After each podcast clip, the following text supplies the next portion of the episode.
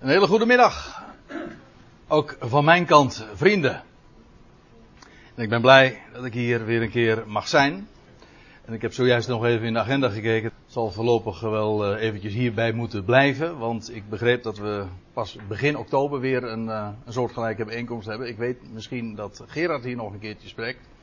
Maar in elk geval, we zijn hier vanmiddag bij elkaar en zoals Jan dat al even heeft uh, aangegeven, en ik heb het op de website trouwens ook aangekondigd. Vanmiddag wil ik uw aandacht uh, vragen voor Psalm 91. Dat is een hele, nou, mag ik wel zeggen, bekende psalm. En dat lijkt me ook uh, zeer terecht. Vooral die eerste woorden uit die psalm zijn, zijn erg bekend over de schuilplaats van de Allerhoogste. In mijn Bijbeltje staat erboven Gods vertrouwen in gevaren. En dat moet toch iedereen die God kent en God vertrouwt aanspreken. En in een wereld waarin zoveel op je afkomt, dat we een God kennen die de Allerhoogste is, triomfeert over alles bij wie we veilig zijn. Maar, nou ga ik u iets vertellen over deze psalm. En dat is dat het een zeer profetische psalm is, en maar niet zomaar in het algemeen van toepassing is op elke situatie en voor iedere gelovige, maar betrekking heeft op een specifieke tijd, op een specie, ja, specifieke, specifiek volk en ook op hele specifieke gevaren. Ik stel voor dat we eerst even de psalm zullen lezen in zijn totaliteit, zodat we even ook meteen een idee hebben van waar de psalm in zijn geheel over gaat. Dat begint dan met vers 1, uiteraard, wie in de schuilplaats van de Allerhoogste is gezeten, vernacht of overnacht in de schaduw van de Almachtige. Ik zeg tot Yahweh, mijn toevlucht en mijn vesting, mijn God op wie ik vertrouw. Want hij is het die u redt van de strik van de vogelvangers, van de verderfelijke pest. En met zijn vlerken beschermt hij u. En onder zijn vleugelen vindt u een toevlucht. En zijn trouw is schild en panzer.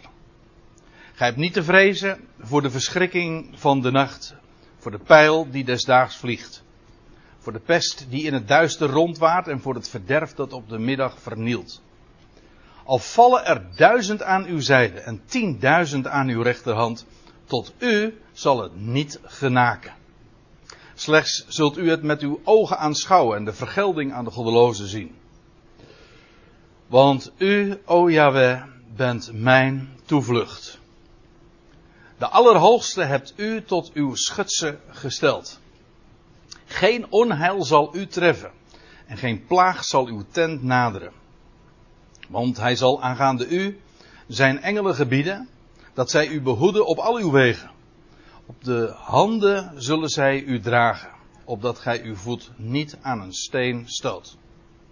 Op leeuw en adder zult u treden, jonge leeuw en slang zult u vertrappen. Omdat hij mij zeer bemint, zal ik hem bevrijden. Ik zal hem beschutten, omdat hij mijn naam kent. Roept hij mij aan, ik zal hem antwoorden. Ik zal in de benauwdheid bij hem zijn en ik zal hem uitredden en tot eer brengen. Met lengte van dagen zal ik hem verzadigen en ik zal hem mijn heil doen zien. Tot zover deze psalm die ik u voorlas uit de MBG-vertaling. Nou ja, dat is niet helemaal waar, want ik heb al een paar kleine wijzigingen aangebracht, bijvoorbeeld bij de godsnaam. Maar uh, op een uh, aantal uh, andere details trouwens uh, zal ik u later nog wel wijzen. Als u aandachtig meegeluisterd hebt, dan is het u wellicht meteen al in aanvang ook opgevallen dat hier de, de personage die aan het woord is iedere keer verspringt. Als je even de psalm in zijn totaliteit neemt, dan krijg je dat vers 1 dat een algemene verklaring is, maar dan vers 2 wordt gesproken in de eerste persoon. Zoals dat in grammatica termen heet. Mijn toevlucht, mijn vesting, mijn God. Maar dan vanaf vers 3 tot en met vers 8 wordt weer gesproken in de tweede persoon. Die u redt. En gij vindt toevlucht. Gij hebt niet te vrezen. Uw zijde, uw rechterhand, uw ogen, enzovoorts. Dat is, een, dat is in de tweede persoon, zoals dat heet. Tweede persoon enkelvoud. En dan in vers 9, vers 9a, is het weer de eerste persoon. Want gij, o Heer, zijt mijn toevlucht. En dan vervolgens, vanaf vers 9b tot en met vers 13, is het weer, net als in vers 3 tot en met 8, in de tweede persoon. Hier wordt het dus feitelijk gewoon voortgezet met een kleine onderbreking in vers 9a. En dan tenslotte, de laatste drie versen, 14 tot en met 16, is het weer sprake van de eerste persoon. Maar dan met die bijzonderheid dat God zelf aan het woord is. Daar staat van, omdat hij mij, met de hoofdletter, zeer bemint, zal ik hem bevrijden. Ik zal hem beschutten. Omdat hij mijn naam kent, roept hij mij aan, ik zal hem antwoorden. Nou ja, en wat u verder leest. Dus vandaar ook dat ik iedere keer even een, een, een, witte regel ertussen heb geplaatst om te zien hoe die indeling ook qua spreker uh, uitgebeeld kan worden. Maar dan wil ik u ook wat vertellen over de structuur die hier ook synchroon, of beter gezegd parallel mee loopt. Want het begint met een aanzegging. Een profetie zou je kunnen zeggen. Uh, ik zal dat straks ook uh, laten zien. Waar, ik denk ook te weten van wie deze profetie is. Wie dit zullen profeteren. Maar dat, even, dat hou ik nog eventjes achter de hand. Eerst, het begint met een aanzegging.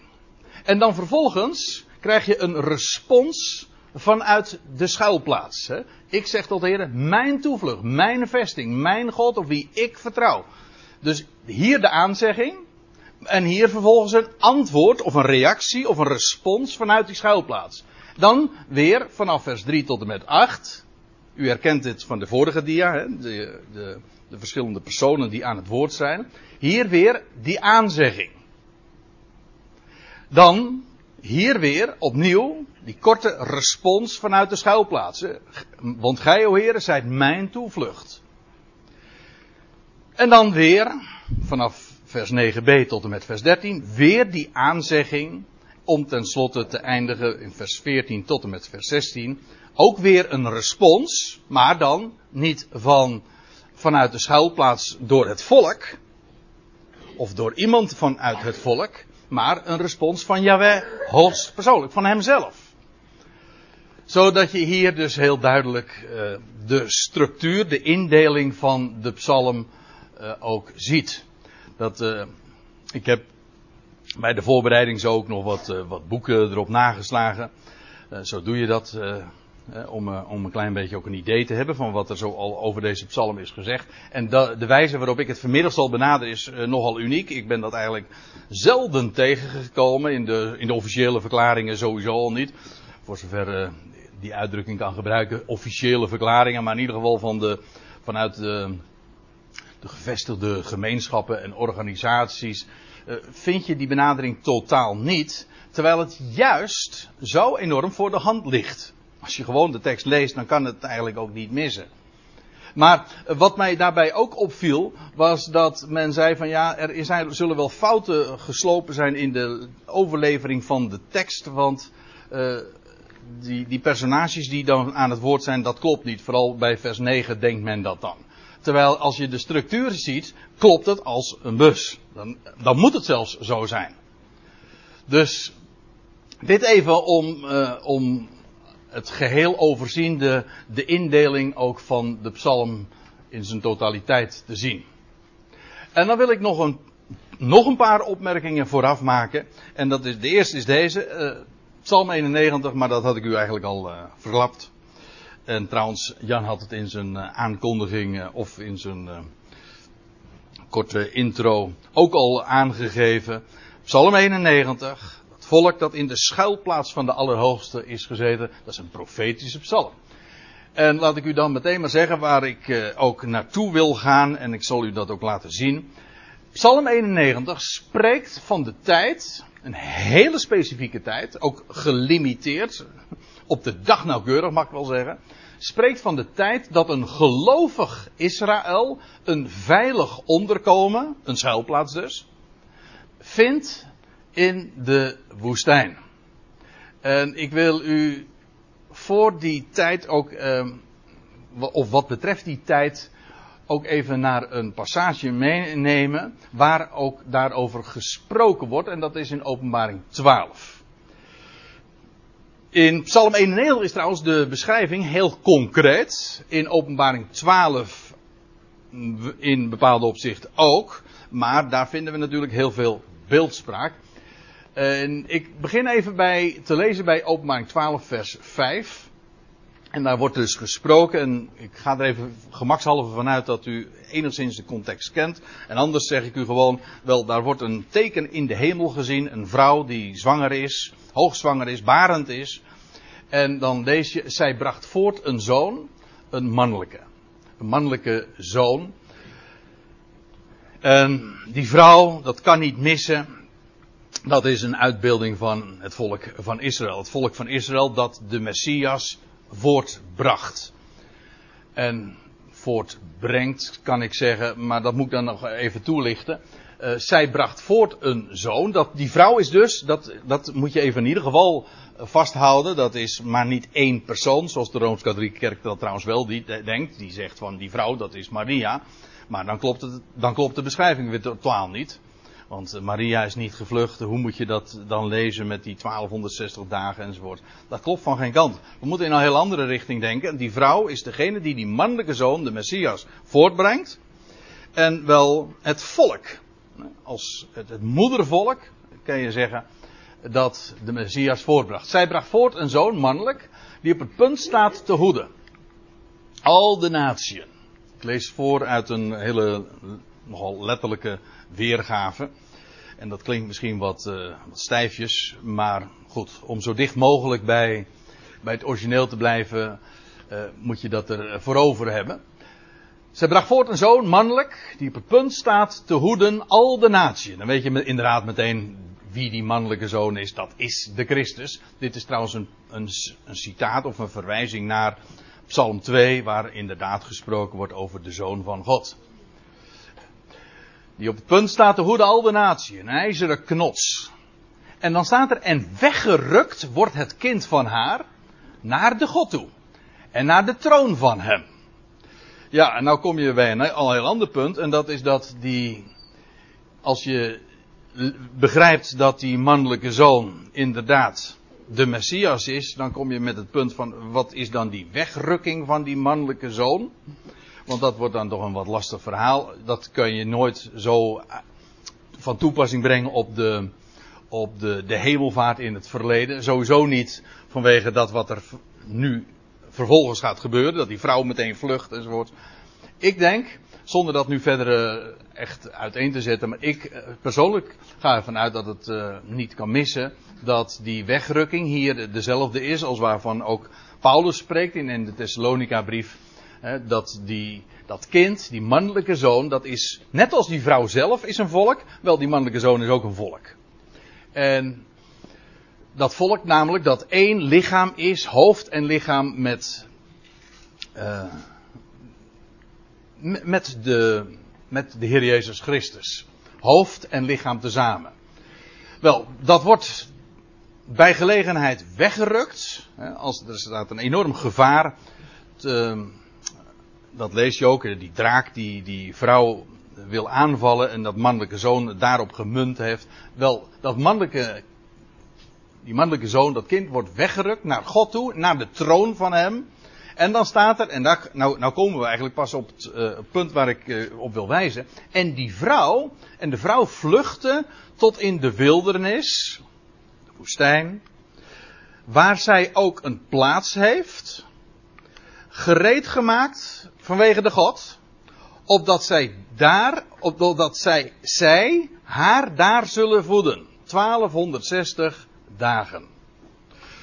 Nou, waarom wijs ik er hier op? Hier wordt gesproken over het volk, de vrouw, die als de wegrukking van die mannelijke zoon heeft plaatsgevonden, meteen linea recta vlucht naar de wildernis. En daar is voor haar een plaats gereserveerd.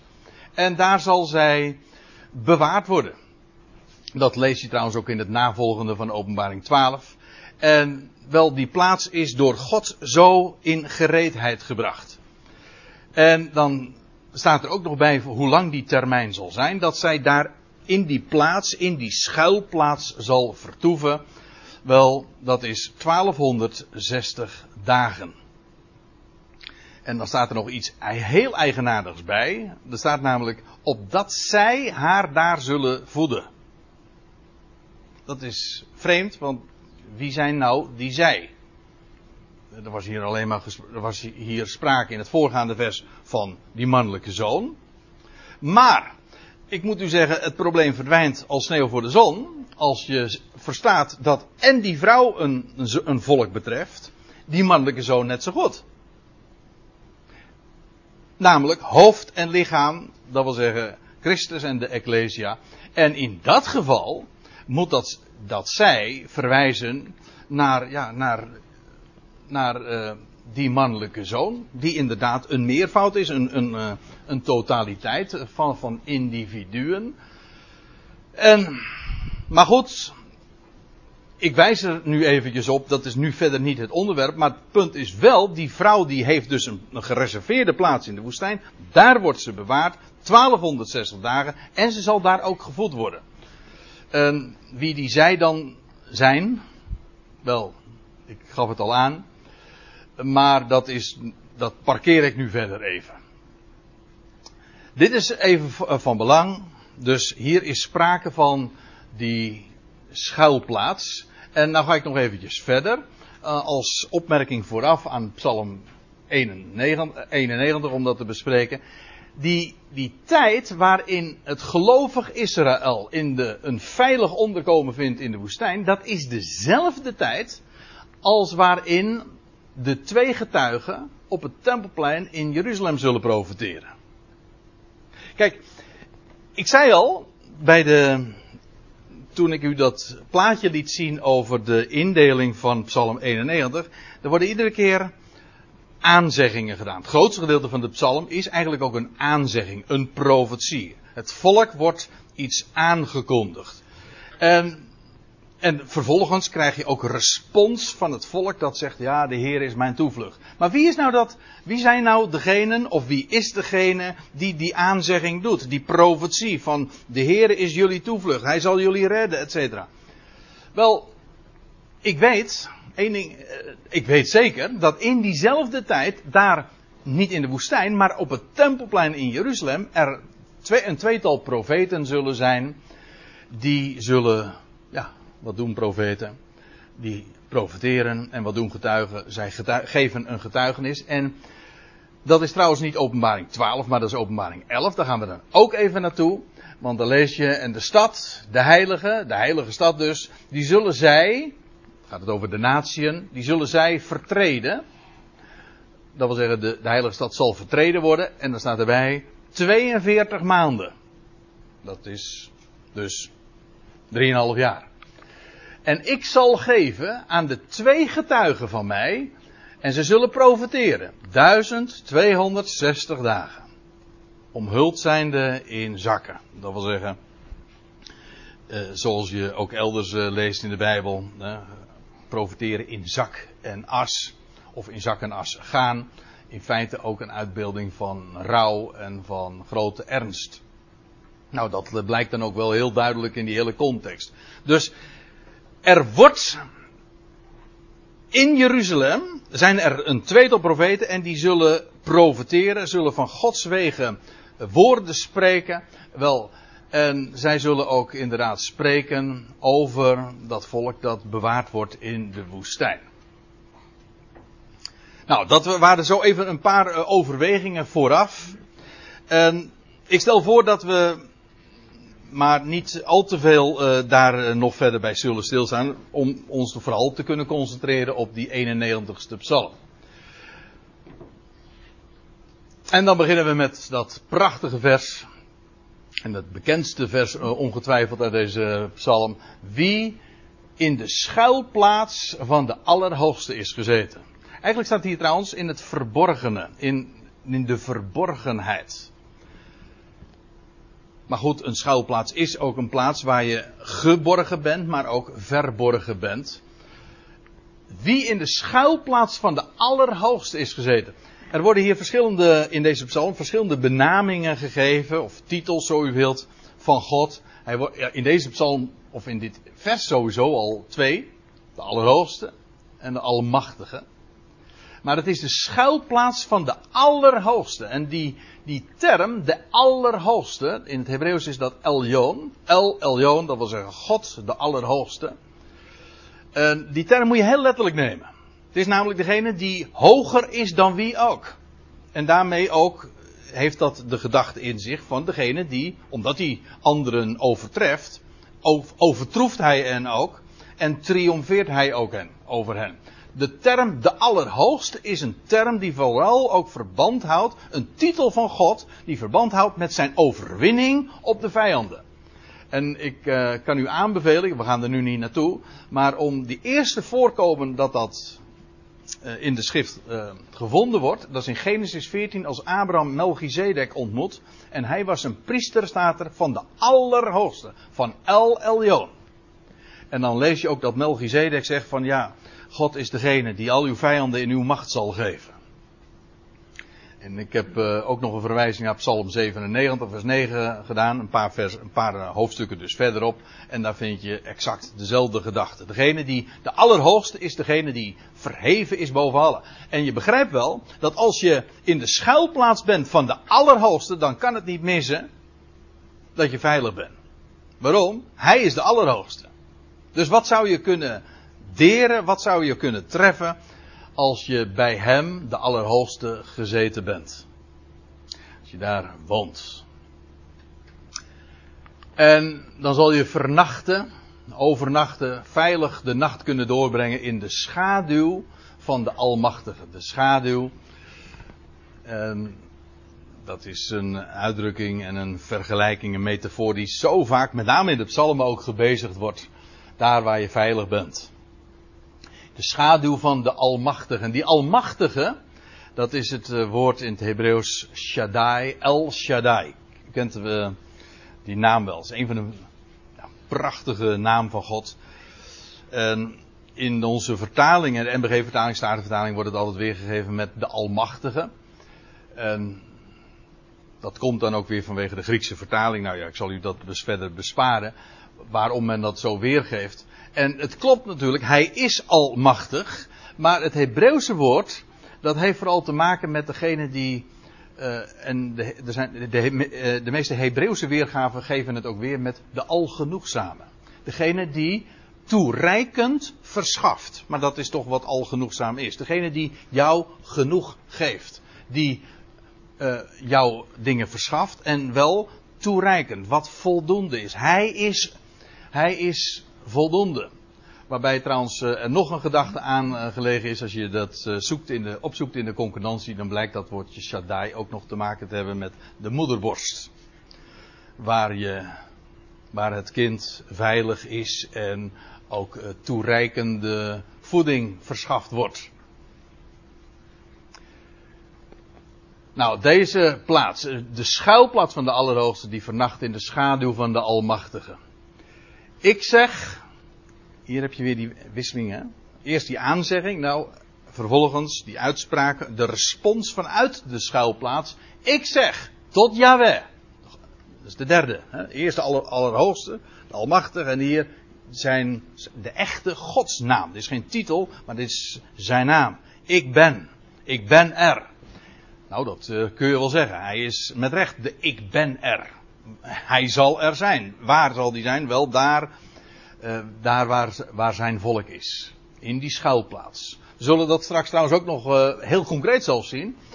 Maar dan zijn we wat verder in de psalm inmiddels. Ik zeg tot Yahweh, mijn toevlucht, mijn vesting, mijn God, op wie ik vertrouw. Het is een schuilplaats waar zij vertoeft, maar het is ook een toevlucht en die twee beelden, die twee benamingen liggen natuurlijk erg in elkaars verlengde, die horen bij elkaar. Ergens een plaats in gevaar waar je kunt schuilen, wel daar vlucht je naartoe. En, en ik zeg tot Jawel, u bent mijn toevlucht. Feitelijk die plaats zelf, ze gaan concreet naar een plaats toe, een locatie. We zullen dat straks ook uh, nog, nog aanwijzen. En ook daar heeft Jan al over gesproken. Je hebt al een hoop gras voor de voeten weggemaaid, uh, Jan.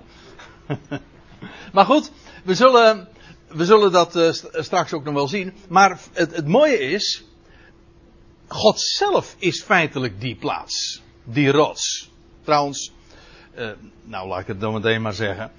Als inderdaad een van de benamingen voor die schuilplaats ook Petra is. Maar Petra betekent rots. En hoe vaak wordt God niet genoemd? Rots. Sela. En, dat is er nog eentje. Er staat mijn vesting. Maar ik heb dat eens opgezocht. Uh, die vesting, dat is maar niet zomaar een, een bouwwerk. Nee, het is een, zoals u ook hier een bergvesting. Een beschuttende plaats in de rotsen. Dat is wat het woord betekent. Nou, dat wordt wel, uh, dat komt natuurlijk heel dichtbij, ook waar we het, waar, we het vanmiddag over hebben. Als het volk een schuilplaats concreet zal hebben in de eindtijd, in die 42 maanden dat Jeruzalem vertreden wordt en een enorme verdrukking zal zijn, wel dan is er een, een plaats in de woestijn ergens, in de wildernis, waar zij een toevlucht zal vinden en waar zij een, in een bergvesting, een beschuttende plaats, uh, zal vinden in de rotsen. En daar zal ze op God steunen en vertrouwen. Want Hij is het. Hier was, was het de, respons vanuit, de, woest, vanuit de, de schuilplaats. En dan hier weer die wisseling, weet je wel, dat andere deel. Eh, vanuit de, de, tweede persoon, of de tweede persoon is het weer eh, die hier dan, uh, waarvan hier sprake is. Want Hij is het die u redt van de strik van de vogelvanger. Dat wil zeggen, hier wordt dus het volk, degene die in die schuilplaats uh, zich bevinden, wordt aangesproken. Hij is het die u redt van de strik van de vogelvanger. Als je nog uh, wat doorbladert in het boek van de psalmen, en dan, ga je, dan kom je terecht in psalm 124, dan vind je een soortgelijke beeldspraak. En die vind ik de moeite waard om u eventjes mee naartoe te nemen. Psalm 124.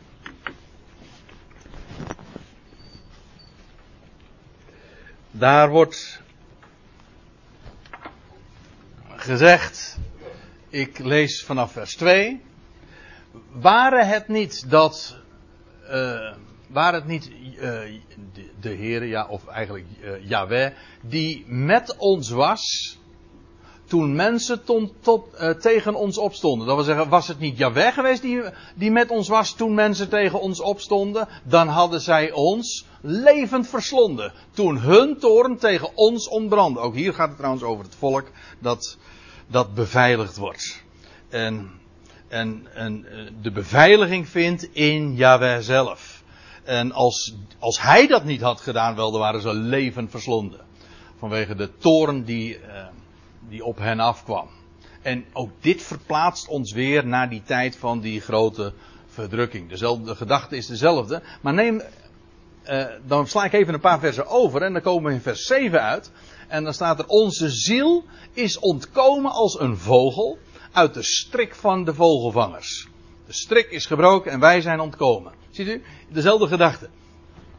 Ook uh, als een, een, vogel die uh, uit het net is gekomen, uit de strik van de vogelvangers. En dan staat er in vers 8 nog: Onze hulp is in de naam van Yahweh, die hemel en aarde gemaakt heeft. El Elyon, de Allerhoogste, maar ook El Shaddai, degene die genoegzaam voorziet en die ook beveiligt. Ziet u de, de, dezelfde beeldspraak, die vogel die ontkomt als uit de, dat is eigenlijk onmogelijk, maar dat wonder gebeurt hier dan toch. Want hij is het die u redt van de strik van de vogelvanger, van de verderfelijke pest. Ja, of uh, van woord van onheil. Dat moet ik even uitleggen. Uh, die, dat verderfelijke, die, dat, die, dat onheil, of het verderf, de verdervingen, want het staat eigenlijk in meervoud. Uh, dat is niet het probleem, maar uh, dat woord hier wel, daar staat namelijk het, hier het woordje deber, en, of de, deber, en als u uh, een klein beetje op de hoogte bent van het Hebreeuws, dan herken je een ander woord, Hebreeuws woord daarin, en dat is dabar, dat exact hetzelfde schrijft, alleen de klinkertekens zijn anders, maar dat zijn, die zijn later toegevoegd door de Mazoreten. Dus de, het woord is hetzelfde. En ik bedoel dat uh, dubbelzinnig, want dabar is namelijk ook woord. Dat is, het is niet zo simpel als dat ik nu trouwens het voorstel hoor, want maar ik, ik geef hem even mee. Dit geeft namelijk een hele goede zin. Uh, hij is het die u redt van de strik van, van de vogelvangers, hè, bij wijze van spreken. Uh, van een, de verderfelijke pest, dat kun je gewoon letterlijk als een pest beschouwen, als een ziekte die, als een besmettelijke ziekte die rondwaart. Dat zou heel goed kunnen, ook straks. Maar wat dacht u van een, uh, een, een woord van onheil? alle woorden die er gesproken worden, de machthebbers die tegen hen tekeer gaan, dan? Wel, er is er maar één die daar kan, tegen kan beveiligen. Bedoel, als de grote mogendheden of de leiders dan een uitspraak doen en zeggen we, zullen je krijgen. En achter je aan zitten, wel dat zijn woorden van onheil. Wie is er dan die je daarvoor uitredt? Wel, dat is hij. El Shaddai, El Elyon. Ik laat dat verder even eh, rusten. of, het nou, of je nou moet denken aan een woord of aan pest. In beide gevallen maakt het, uh, en dat is dan de overeenkomst, maar in die zin weer niet zoveel verschil. Hoe dan ook, voor welk gevaar dan ook, je bent toch veilig. Nogmaals, dit gaat over dit volk. Ik weet, uh, en we zullen dat straks nog wel, wel meer zien. deze woorden worden zomaar met het grootste gemak dikwijls toegepast op, op elke situatie van een gelovige. En ik vind, ik vind het prachtig als mensen gewoon de schrift nemen en, en, en dat ja, gewoon tot hun hart laten spreken. Dat is, dat is precies ook waar die voor bedoeld is. Per, per slotverrekening, al de schrift is aan ons gegeven. Hè, en om daardoor onderwezen te worden en om opgebouwd te worden, et cetera.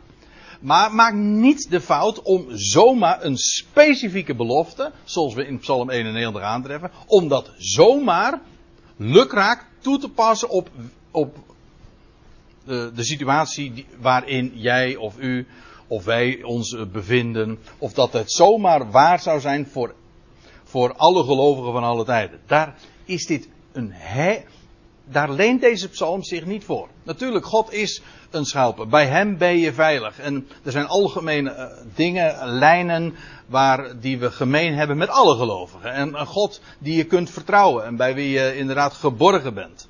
Maar de wijze waarop dit hier staat en hier beschreven wordt, dat is heel specifiek. En ook niet zomaar van toepassing uh, op ons vandaag. Dat hij ons. Uh, nou ja, dat hier staat van de verderfelijke pest. Ik lees even verder. Met zijn vlerken. Hier is de, uiteraard de beeldspraak van een, een moedervogel, een moederkloek, die zijn kuikens uh, be, beschermt onder de vleugels. Met zijn vlerken beschermt hij u en onder zijn vleugelen vindt u een toevlucht. En zijn trouw is een, is een groot schild en panzer. In de gewone vertaling staat een schild. Maar als u dan vervolgens in de vertalingen of in de, in de toelichtingen en de voetnoten kijkt, dan, dan zul je altijd de, de opmerking vinden: ja, dit is maar niet zomaar een schild die je zo in je hand hebt, die uh, voor een deel be, beschermt. Nee, het is een groot schild, dat wil zeggen een schild van vanaf de voedsel tot aan je, tot aan je kruin aan toe. Dat wil zeggen, je, je wordt geheel dus beschermd. Een groot schild. Je wordt in zijn totaliteit, vind je bij hem een, uh, beschermingen.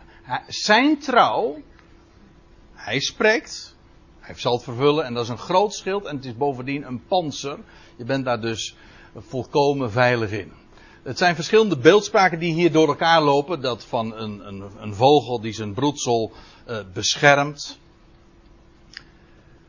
En onder de vleugelen. Wel bij hem zal, ze, zal het volk straks hè, de, een schuilplaats vinden. En zijn trouw is dan ook een groot schild en een panzer. En dan staat erbij, u hebt niet te, te vrezen voor de verschrikking van de nacht. Of voor het alarm van de nacht. Ik, als je even die lijn, die profetische lijn ook gewoon vasthoudt, hè, die we vanaf het, eh, begin al hebben ingezet. Waar we straks trouwens, de, de echte bewijzen daarvoor vind je met name trouwens aan het einde van de psalm. Dus uh, voordat u nou een oordeel geeft over mijn argumentatie, laat me eerst even uitspreken, zodat we de, de hele psalm besproken hebben. En dan, uh, dan praten we er nog een keer over. Uh, mocht u uw bedenking hebben over die profetische lezing. Maar goed, als je deze profetische lezing dus, die lijn vasthoudt, dan kun je dit ook zo voorstellen. Hoe dat straks zal gaan in de woestijn. En dat we, we praten over de tijd dat, dat Israël beveiligd zal worden. Uh, in de tijd dat Jeruzalem vertreden is, dat er daar twee getuigen optreden, dat, dat alle naties zich zullen werpen op dat volk. En er een enorme uh, ja, verschrikkingen zullen zijn. Trouwens, daar, uh, daar zou je een Israëliërs over moeten vragen wat dat is, de verschrikking van de nacht. Dat je daar in de, in de steden bent en dat daar dan weer luchtalarm afgaat. Vanwege, en dat mensen dan allemaal in de schuilkelders moeten vanwege de gevaren die hen dan ook uh, bedreigen. Verschrikking is ook niks anders dan alarm. alarm gedurende de nacht. Wel, u hebt niet te vrezen voor de verschrikking van de nacht. En voor de pijl die desdaags vliegt. En ik heb meteen, ben ik zo vrijmoedig geweest om deze verklaringen bij te geven. Want dit zijn ook pijlen natuurlijk. Raketten zijn ook pijlen. Luchtraketten. Nou ja, hoe je, hoe je dat verder ook leest. Maar welk alarm ook uh, dat er tijdens de nacht afgaat. Of welke pijl die desdaags ook vliegt. Dat volk in de schuilplaats van de Allerhoogste zal daar niet voor hebben te vrezen voor de pest die in het duister rondwaart. Ja, nou moet ik weer even in herhaling vallen. Want over dat woord pest had ik het zojuist al even. En toen gaf ik u al aan dat uh, je zou net zo goed kunnen lezen het woordje woord, dabar, deber. En dan krijg je de lezing. Uh, dus uh, de, het woord in somberheid hè, of donkere of duistere woorden, woord in duisternis. Uh, je kan dan zelfs denken aan woorden, donkere woorden, maar dan in de zin dus van sombere nieuwsberichten. Ja, ik, ik, ik heb een vraagteken erbij gezet om, ik geef een suggestie, om, om me daar concreet een voorstelling van te maken. Israël dat veilig is in die schuilplaats en voor het woord dat in het duister uh, rondwaart, hebben ze niet te vrezen. Het is stikdonker in de wereld dan. En er klinken woorden en, en ook bedreigingen. En zij zullen daar veilig zijn. In de schuilplaats van de Allerhoogste. Maar ook als je het eh, leest als pest. In de zin van een besmettelijke ziekte. Van welke aard dan ook. Uh, dan, uh, dan, blijft, uh, dan blijft het waar dat zij ook daarin beschermd zullen worden. Voor een angel uh, dat op de middag verwoest. Hoe stond het ook alweer in de MBG-vertaling? En in de Statenvertaling? Want... Oh ja, voor het verderf dat op de middag vernielt.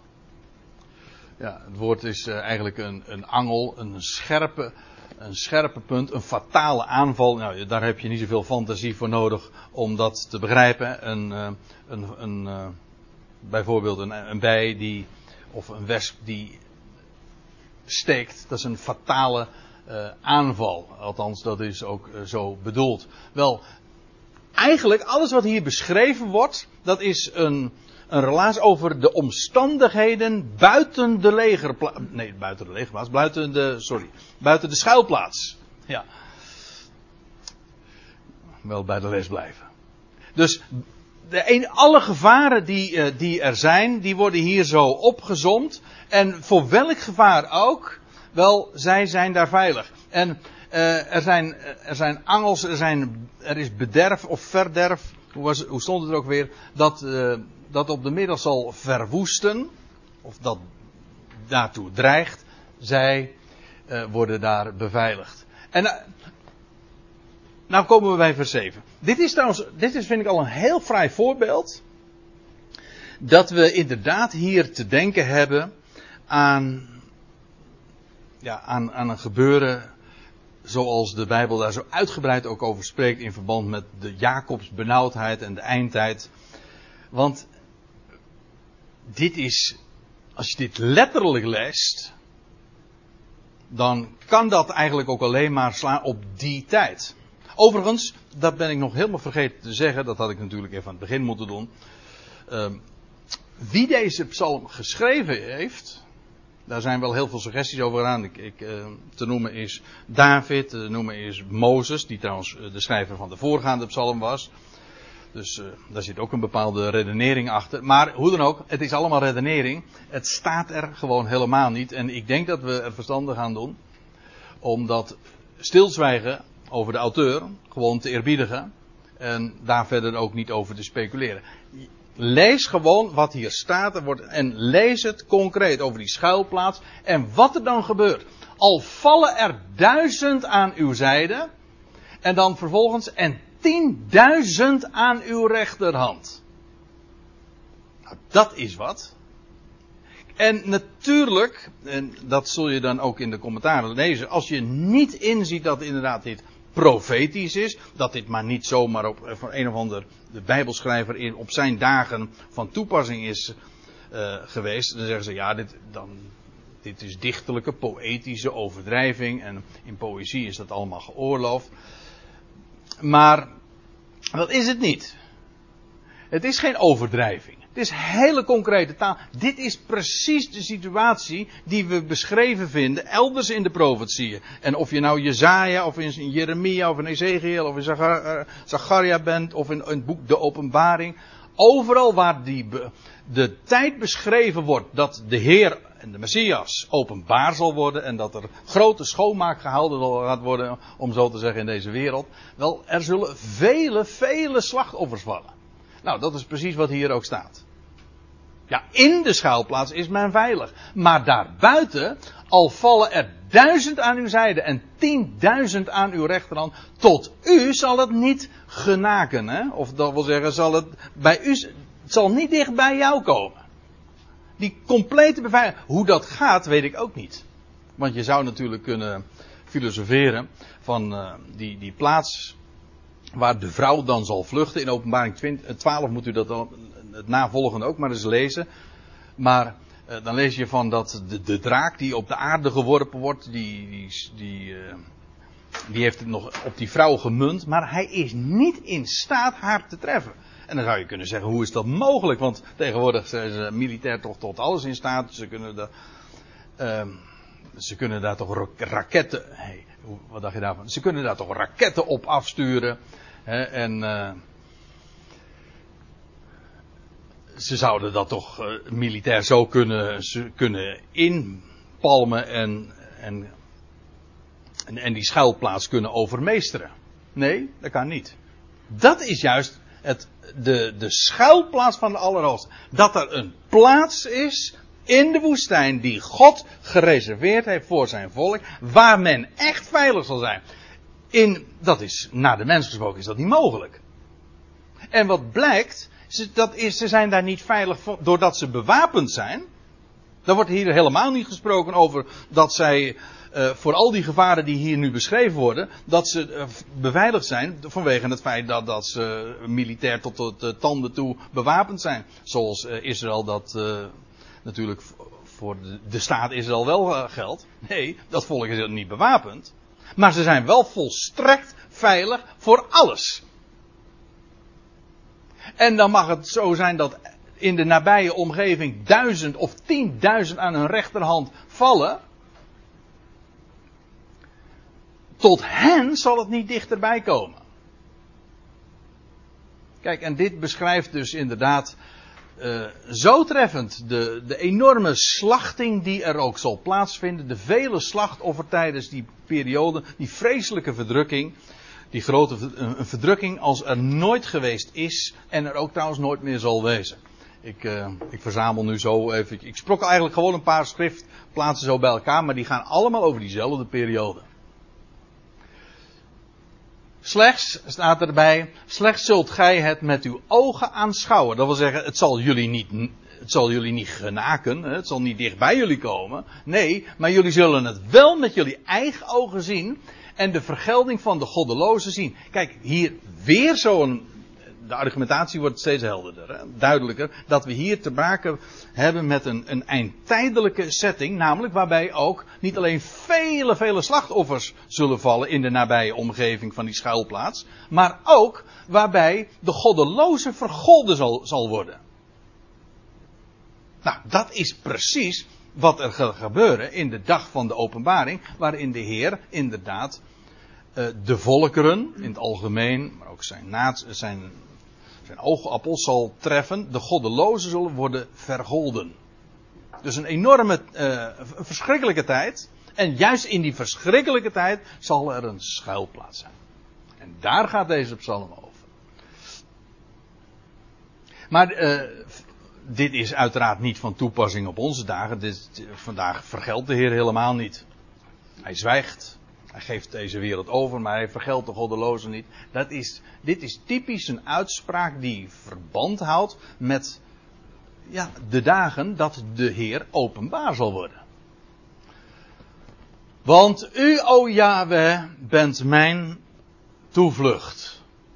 Hier weer het respons vanuit de schuilplaats, maar dat liet ik u al eerder zien. Eerst dus die aanzeggingen en dan zegt, en dan vanuit de schuilplaats klinkt, u, o Yahweh. U alleen, niet onze eigen spierkracht, niet onze militaire uh, kwaliteiten of uh, onze wapensystemen. Nee, u, o Yahweh, u bent mijn toevlucht. Daarheen zullen ze vluchten. En je over de omstandigheden waar, waarin men dan zal vluchten. En elders lezen we daar ook over. Je leest dat als de gruwel eh, van de verwoesting zal worden geplaatst op, de, uh, op, op het tempelplein, op de heilige plaats. En dan staat er van, dan moet je maken dat je wegkomt, want dan moet je naar de woestijn vluchten. Matthäus 24 spreekt daarover. Als de Heer op de Olijfberg uh, ook over deze dingen, over diezelfde periode ook spreekt. En dan zegt hij zelfs uh, dat als dat, als, als die, dat afgodsbeeld, die gruwel van verwoesting neergezet zal worden in Jeruzalem, waar ook Daniel van, al van spreekt, wel, hij zegt, dan moet je maken dat je wegkomt. En dan moet je zelfs niet meer, als je op het dakterras bent, moet je niet naar beneden gaan om nog eventjes uh, je huisraad of je, uh, je jas mee te nemen. Maken dat je wegkomt, dan moet je vluchten, want dat is het, uit, dat is het laatste en uiterste tijdstip dat je nog er, uit de voeten kunt maken en dat je nog naar die schuilplaats, schuilplaats kunt gaan. Dus ook hier een echte concrete schuilplaats en ook een concrete slachting van mensen daar in de nabije omgeving. En ook een vergelding aan goddelozen die zij uh, dan vanuit die schuilplaats zullen zien. Want u, o Jahweh, bent mijn toevlucht. De Allerhoogste hebt u tot uw schutse gesteld. En hier begint weer die nieuwe aanzegging. Tot uw schutse. Dat wil zeggen, dat woord kwam al eerder tegen de beschutting. Een, eh, een schutse is niks anders dan een plaats waar je beschut bent. Waar achter je kan schuilen. Ja, daarachter is wel belangrijk, want als je ervoor staat, dan sta je voorschut. Hm? En dat is niet eh, de plaats waar je. Dat is, niet zo aangenaam. Nee, je moet juist achter die beschutting je uh, schuilen. De Allerhoogste hebt u tot uw schutse, tot uw bescherming gesteld. Geen kwaad zal u treffen. En geen plaag zal uw tent naderen. U begrijpt wel, als ik zo dit doorlees, dan zijn dit toch dingen die niet zomaar op ons van toepassing zijn vandaag. Ik zeg niet, ik herhaal het, voordat ik daarin mis, uh, begrepen, misverstaan wordt. Je kunt hier enorm veel van leren. Dat doen we, daarom komen we vanmiddag ook samen en hebben we het over Psalm 91. Maar je kunt toch niet zeggen van dat ons vandaag geen kwaad zou treffen. Of je zou dit het woordje. Als Paulus hier dit nou eens een keer zou lezen. Hè, en dat hij, als hij dat op zijn, zijn situatie had toegepast. Dan had hij geen schipbreuk geleden. Dan had hij, had hij, uh, had hij trouwens ook niet geëxecuteerd uiteindelijk geworden. En trouwens, dat geldt voor de apostelen in het algemeen. Nee, dat zijn beloften die helemaal niet voor ons gelden. Paulus zegt in Romeinen 8, hè, eh, in uh, bij benauwdheden, al worden we geslacht, of hoe staat het er nou precies? Uh, in, bij verdrukking en bij plagen. In die omstandigheden, in al die omstandigheden zijn we meer dan overwinnaars. Maar hier is de situatie een andere. In die schuilplaats zal men echt concreet totaal veilig zijn. En geen kwaad zal hen treffen. Of geen kwaad zal u treffen. Geen plaag zal uw tent naderen. Geen besmetting. En ja, nou ga ik even relativeren of even nuanceren wat ik zojuist heb gezegd over dat woordje uh, pest. Ik zei, ik gaf de suggestie dat we mogelijk hebben te denken aan een woord. Kan. Maar het zou ook zomaar kunnen. Een van de kenmerken trouwens van de laatste dagen van de eindtijd is ook pestilentie. Dus uh, hele besmettelijke ziekten, die, uh, zoals dat trouwens we in het verleden ook hebben gekend, in, zelfs in Europa, hè, dat er uh, hele volksstammen, hele grote delen van de mensheid in Europa alleen al, dat die omkwamen door een, door, door een besmettelijke ziekte. Wel, hier wordt in ieder geval gesproken over een plaag, in de zin dus van een besmetting. En misschien dat ook in die dagen, nou, eigenlijk, we weten, dat zal ook in die dagen dus plaatsvinden. Uh, maar, zegt de Heer, jullie zijn in die vuil, schuilplaats uh, beveiligd, ook voor die plaag, voor die besmetting. Hoe? Dat moet je mij niet vragen, dat is gewoon wat toegezegd wordt. Dat zegt de Heer. Dat geen plaag zal uw tent naderen. Het wordt hier een tent genoemd, uiteraard omdat het een, ja, een toevluchtsoord is. Het is een tijdelijke verblijfplaats. Slechts 1260 dagen uh, zullen ze daar verkeren. Maar dan zal het ook waar zijn, echt wat hier dus staat. Geen kwaad, geen nurlei kwaad is voor u daar bestemd, zal tot jou naderen. Want hij zal aangaande u zijn engelen gebieden. Dat zij u behoeden op al uw wegen. Ja, de, ik zei, deze, dat eerste vers is van Psalm 91 is erg bekend. Maar ik moet eigenlijk, uh, vers 11 hoort daar ook wel bij, want die is ook erg bekend. Waarom? Omdat we weten dat deze psalm wordt aangehaald door de, de diabolos, door Satan, als de Heer in de woestijn geleid wordt en verzocht wordt. En dan zegt hij. Nee, ik, ik, ik moet het even iets nog beter zeggen, of concreter zeggen, want dan wordt de Heer op een gegeven ogenblik wordt op, de, de, de tem, op het dak van de tempel geplaatst en dan zegt hij, en dan, en dan krijgt hij, dus ik geloof dat het de derde verzoeking dan is, van uh, werp u neer, zegt Satan. Want er staat toch geschreven dat uh, en dan haalt hij aan, Psalm 91. Hij zal aangaande u zijn engelen gebieden dat zij u behoeden op al uw wegen. En hij zal u aangaande. Uh, wacht even Op handen zullen ze u dragen, opdat u uw voet niet aan een steen stoot. En als u dat in Matthäus naleest en in Lucas, waar de verzoeking in de woestijn en al die verzoekingen worden verhaald. Dan zul je zien dat de diabolos, ik noem hem expres even zo, de duivel, Psalm 91 aanhaalt. Maar waarom? Nou, hij is diabolos. Nou, hij haalt de dingen door elkaar. Dat wil zeggen, hij brengt, hij zegt, een, een vers brengt hij van toepassing op de Heer, dat helemaal niet hier over de Heer gaat, maar over het volk in de woestijn gedurende de grote verdrukking en gedurende die 1260 dagen. Dit gaat helemaal niet over de Heer Jezus in zijn dagen. Hij verdraait dus. Of hij gooit de dingen door elkaar. Maar daar deed hij dus wel degelijk ook zijn naam eer mee aan. De diabolos. Het was een misplaatste toepassing. Maar dan wil ik u. Nou komt de positieve kant van het verhaal. Uh, ik, ik nog eventjes. Geen kwaad zal u treffen, geen plaag zal u tent naderen, want hij zal aangaande u zijn engelen gebieden. Dat ging niet over de Heer toen hij daar op de tempel stond. Daar ging de Heer ook helemaal niet op in. Nee, dit gaat over het volk dat straks in de schuilplaats zal zijn. En hij zal aangaande u zijn engelen gebieden dat zij u behoeden. En hier gaat het over het volk van Israël in de schuilplaats. En zij hebben daar beschermengelen. Dit was trouwens de aanleiding, ik zit nou eventjes eraan te denken. We hadden de vorige week, uh, had ik een blogje geschreven, toen had uh, Jannie uh, daarop gereageerd. ik weet niet eens meer exact de aanleiding, maar het ging er even over. Um, dat daar in Matthäus 18 wordt, ook, wordt er ook door de Heer gesproken over de, hun, hun, de kleinen en hun engelen, zij zullen u beschermen. En toen bracht uh, Jannie naar voren van ja, wacht even, maar dat gaat daar ook over, over Israël, over de kleine, over gelovigen. Ja, niet zomaar over kleine kindertjes in het algemeen. Want u weet uh, de, de gebruikelijke gedachte is dat, dat mensen, en vooral kleine kindertjes, die hebben een beschermengelen.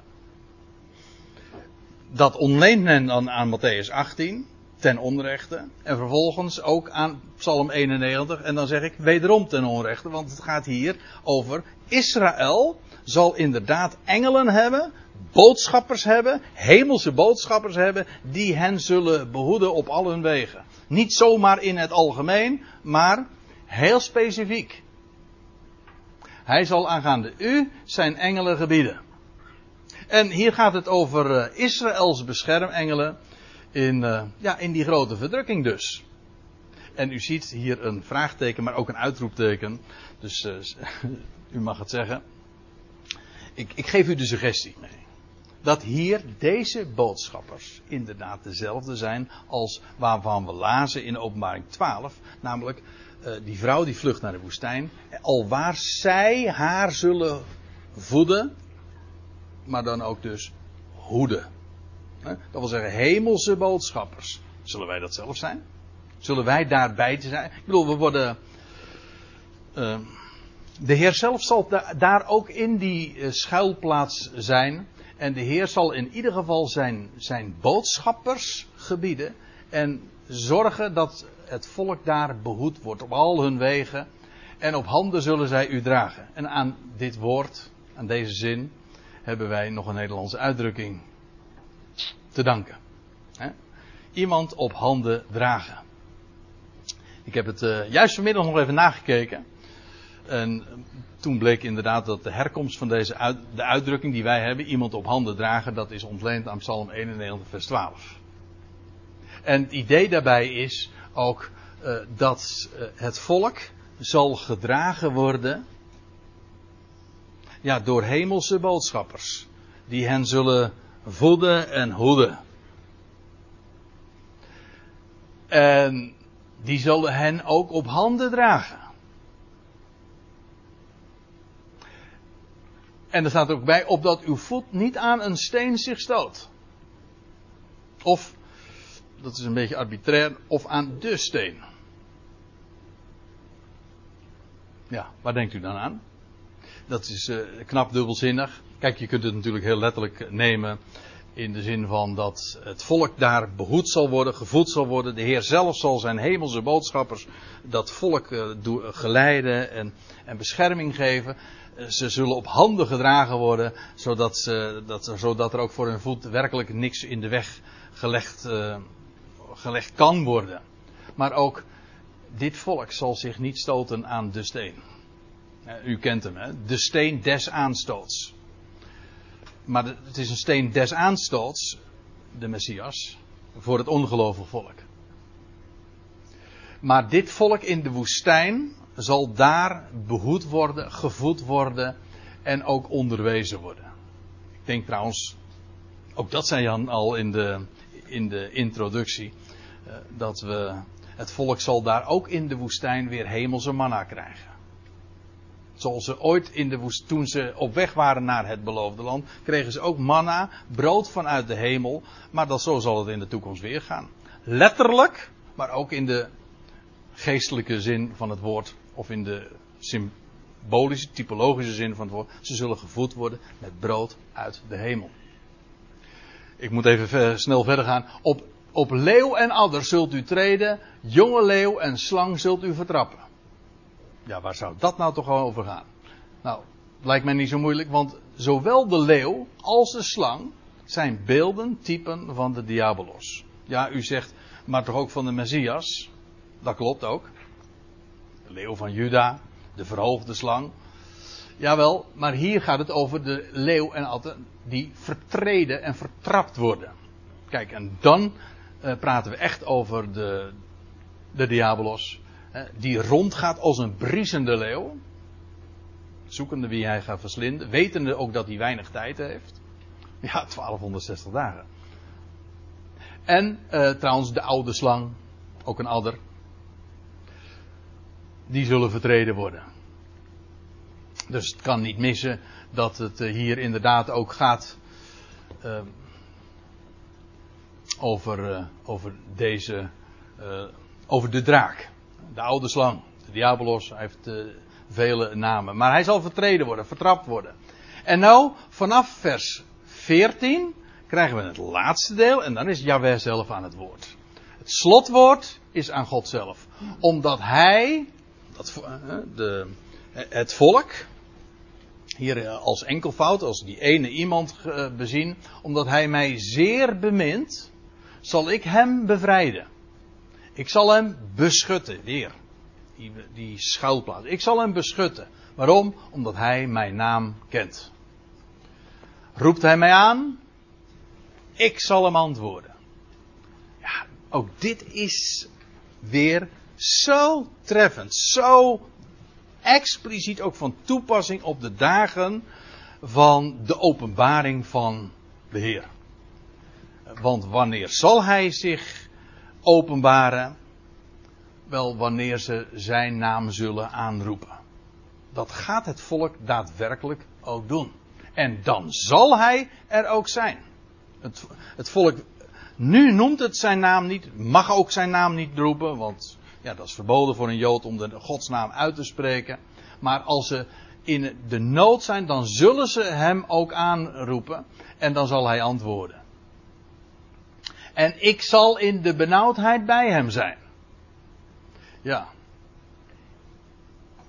Ik zal in de benauwdheid bij hem zijn. De Heer zelf zal in de schuilplaats zijn en, en vanuit die plaats in de woestijn, die verschillende namen heeft, het wordt uh, in de profetieën op diverse wijze en op diverse passages uh, wordt dat ter sprake gebracht. Edom, Bosra, Petra. En dan zal hij komen naar Jeruzalem. Hier is, die, hier is de wildernis, de woestijn. En de Heer zal. Je leest, ik, ik gaf hier een, een verwijzing naar Jezaja 63. Daar lees je ook dat de Heer, als hij. Dan zal hij volkeren treden, daar in, de, in het gebied van Edom. En dat zal bloedrood zijn aan zijn gewaad, lees je. En dan zal hij vanuit Edom ook optrekken naar, naar Jeruzalem. Wij hebben altijd de indruk dat als de Heer tot Jeruzalem komt, dat hij uit de hemel komt. Maar eh, dat is zo. Maar je leest net zo goed, maar dat hangt af van de tijdstip waar je dan voor kiest. Uh, hij komt ook vanuit Edom. Wie is het die van Edom komt met bloed besprenkelde klederen vanuit Bosra? Zo staat het er. Dat is deze plaats. De Heer gaat het opnemen voor zijn volk. Roept hij mij aan, ik zal hem antwoorden. Ik zal in de benauwdheid bij hem zijn. En ik zal hem uitredden en tot ere brengen. Letterlijk, ik zal, ik verheerlijk hem. Dus dat volk wordt in de schuilplaats bewaard. Het zal, daar worden, het zal ook worden uitgered en bovendien tot heerlijkheid worden gebracht, verheerlijkt worden. Het zal Gods heerlijkheid krijgen en ook in Gods heerlijkheid ingebracht worden. dit is ook hier weer echt een zetting die ons plaatst naar de eindtijd. Het volk zal worden uitgered en verheerlijk worden. Met lengte van dagen zal ik hem verzadigen. Dat gaat precies dan ook gebeuren. Je leest in Jezaja, in, eh, in de duizend jaren die dan uh, vervolgens daarna zullen aanbreken. Je leest in Jezaja 65, want als de levensduur der bomen zal de leeftijd van mijn volk zijn. En dan staat er van een, een, een, een jongeling zal als, als een jongeling sterft, dan zal die, dan zal die 100 jaar zijn. U zou dat in uh, die context van Jezaja 65 eens moeten lezen. Met lengte van dagen zal ik hem verzadigen. Dat wil zeggen, een, dan, dan gaat er een periode aanbreken waarin men zo, men inderdaad, uh, de, de dagen verlengd worden. En ik zal hem, dat is de laatste zin van deze psalm, en ik zal hem, dat volk, mijn heil doen zien. Dat is dit woord, ja. vers 15. Is dat dan al gebeurd daarvoor? Dat ze geroepen hebben en dat hij werkelijk op die goddelijke wijze gered zal worden. Heeft en dat ze daarna in die schuilplaats gekomen zijn? Nee, ik denk, dit is een, uh, een vraag uh, uh, op zich. in die zin dat je daar, als, ik dat, als ik daar de bonnetjes voorbij moet mo geven, dan vrees ik dat, dat het een beetje erg lang gaat worden. Maar laat ik het zo weergeven, zoals ik het versta. Het volk, er zal een de grote, tijdens de grote verdrukking, tijdens die 1260 dagen, is er een, een deel, uh, is de vrouw, hè, dat gelovige overblijfsel, bevindt zich in de woestijn. En wordt daar. Daar zijn ze heen gevlucht. En dat uiterste moment van vluchten, dat is wanneer die gruwel in Jeruzalem wordt opgericht. Dan beginnen ook trouwens die 1260 dagen of die 42 maanden. Nee. Nee, nee, nee, dat is 3,5 jaar later. Want dat is nou, want het punt is, ja, daarom zat ik net even te aarzelen. Zeg van ja, als ik hier nou op inga, dan kom je natuurlijk bij hele, hele scenario's. Van, ja, want aan het einde van die 1260 dagen, dan zal dat volk, het volk wat niet gevlucht is in de woestijn, en dat voor twee derde in het land dan is omgekomen, zal dat dus, dat deel dat dus niet is omgekomen en nog in het land is, zal de Heer aanroepen. En dan zal hij verschijnen in Jeruzalem. En dan zal er vervolgens een vluchtweg vanuit, door de Olijfberg inderdaad gecreëerd worden. En, dan zullen ze, en waar zullen ze dan heen vluchten? Nou, naar die plek waar dat andere deel van het volk al heen gevlucht was. En dat daar veilig was gedurende die 1260 dagen. Dus, ja, dat is een heel ander uh, scenario. Ik heb, dat, ik heb daar verder natuurlijk nu niet over gesproken, maar zo versta ik dat. En ik. Uh, het is niet het gehele volk, het is een CA, hè, een rest. Sorry? Het is niet het hele volk, het is een Het is een rest. Het is een rest. Jazeker, ja. Een overblijfsel. Ja. Maar dat, je kunt natuurlijk zeggen, dat volk dat in de schuilplaats uh, zich zal bevinden gedurende die drieënhalf jaar. Uh, dat is een overblijfsel. En vervolgens wat in het land uh, zich bevindt en wat niet gevlucht is, daarvan zal twee derde omkomen. En een derde, wat daarvan overgebleven is, dat dus ook een overblijfsel is, dat zal de Heer aanroepen en dan zal hij ook inderdaad verschijnen. Ja. Want het Israël is, de Joden die er nu zijn, zijn eigenlijk krakers, hè? Ja. Ja, ze bevinden zich op een plaats waar ze helemaal niet horen. Ja, en dat betekent ook dat er aan het einde van die 1260 dagen, als het volk zal, als dat wat overgebleven is in het land, de, de naam van Yahweh zal aanroepen en hij zal verschijnen, dat zal, uh, dan zullen ze vervolgens vluchten. Dat betekent dat er op dat moment geen levende inwoner meer in het land is alles wat nog, wat, wat overgebleven is, zal gevlucht zijn naar de woestijn. Een deel wat al, al veel eerder gevlucht was. En een deel wat bij, bij gelegenheid dat de olijfberg zal splijten, zal gaan vluchten. Ziet u, je hebt dus, er zijn dus twee groepen. Maar ik weet dat in stad gewoon de twee stammen die in, uh, in Israël zijn. en de tien stammen gespreid over de wereld. Nou, dat geloof ik. Die, die tien stammen, die zullen terugkomen. Nee, want de de twa- overblijfsel ervan zullen Peter gaan en de twee stammen. Ik geloof niet dat dat er met de 2 en 10 stammen zijn, want de 12 stammen zijn toch verstrooid ook. De twee stammen zijn bleven achtergebleven. Dan kun je Maar- met de ballingschap en noem maar op. Nee, je- zijn twee stammen teruggegaan. ik denk niet dat dat eh, met de, de 2 en de 10 stammen van doen heeft. Maar als je het niet erg vindt, eh, parkeer ik dit even. Want ik zie trouwens dat het inmiddels 10 voor 6 is. En eh, ik, eh, ik wil nog even één, dit ene ding nog eventjes zeggen. Dat, dat, is het laatste, dat is laatste. Namelijk, ik zal hem mijn heil doen zien. Dit is de laatste dia, dus eh maak, eh, maak u geen zorgen. Mijn heil doen zien. Kijk, dit is ook zo mooi. Want hier zie je een naam. Als je Hebreeuws kan lezen, dan zie je hier de naam van Yeshua, namelijk.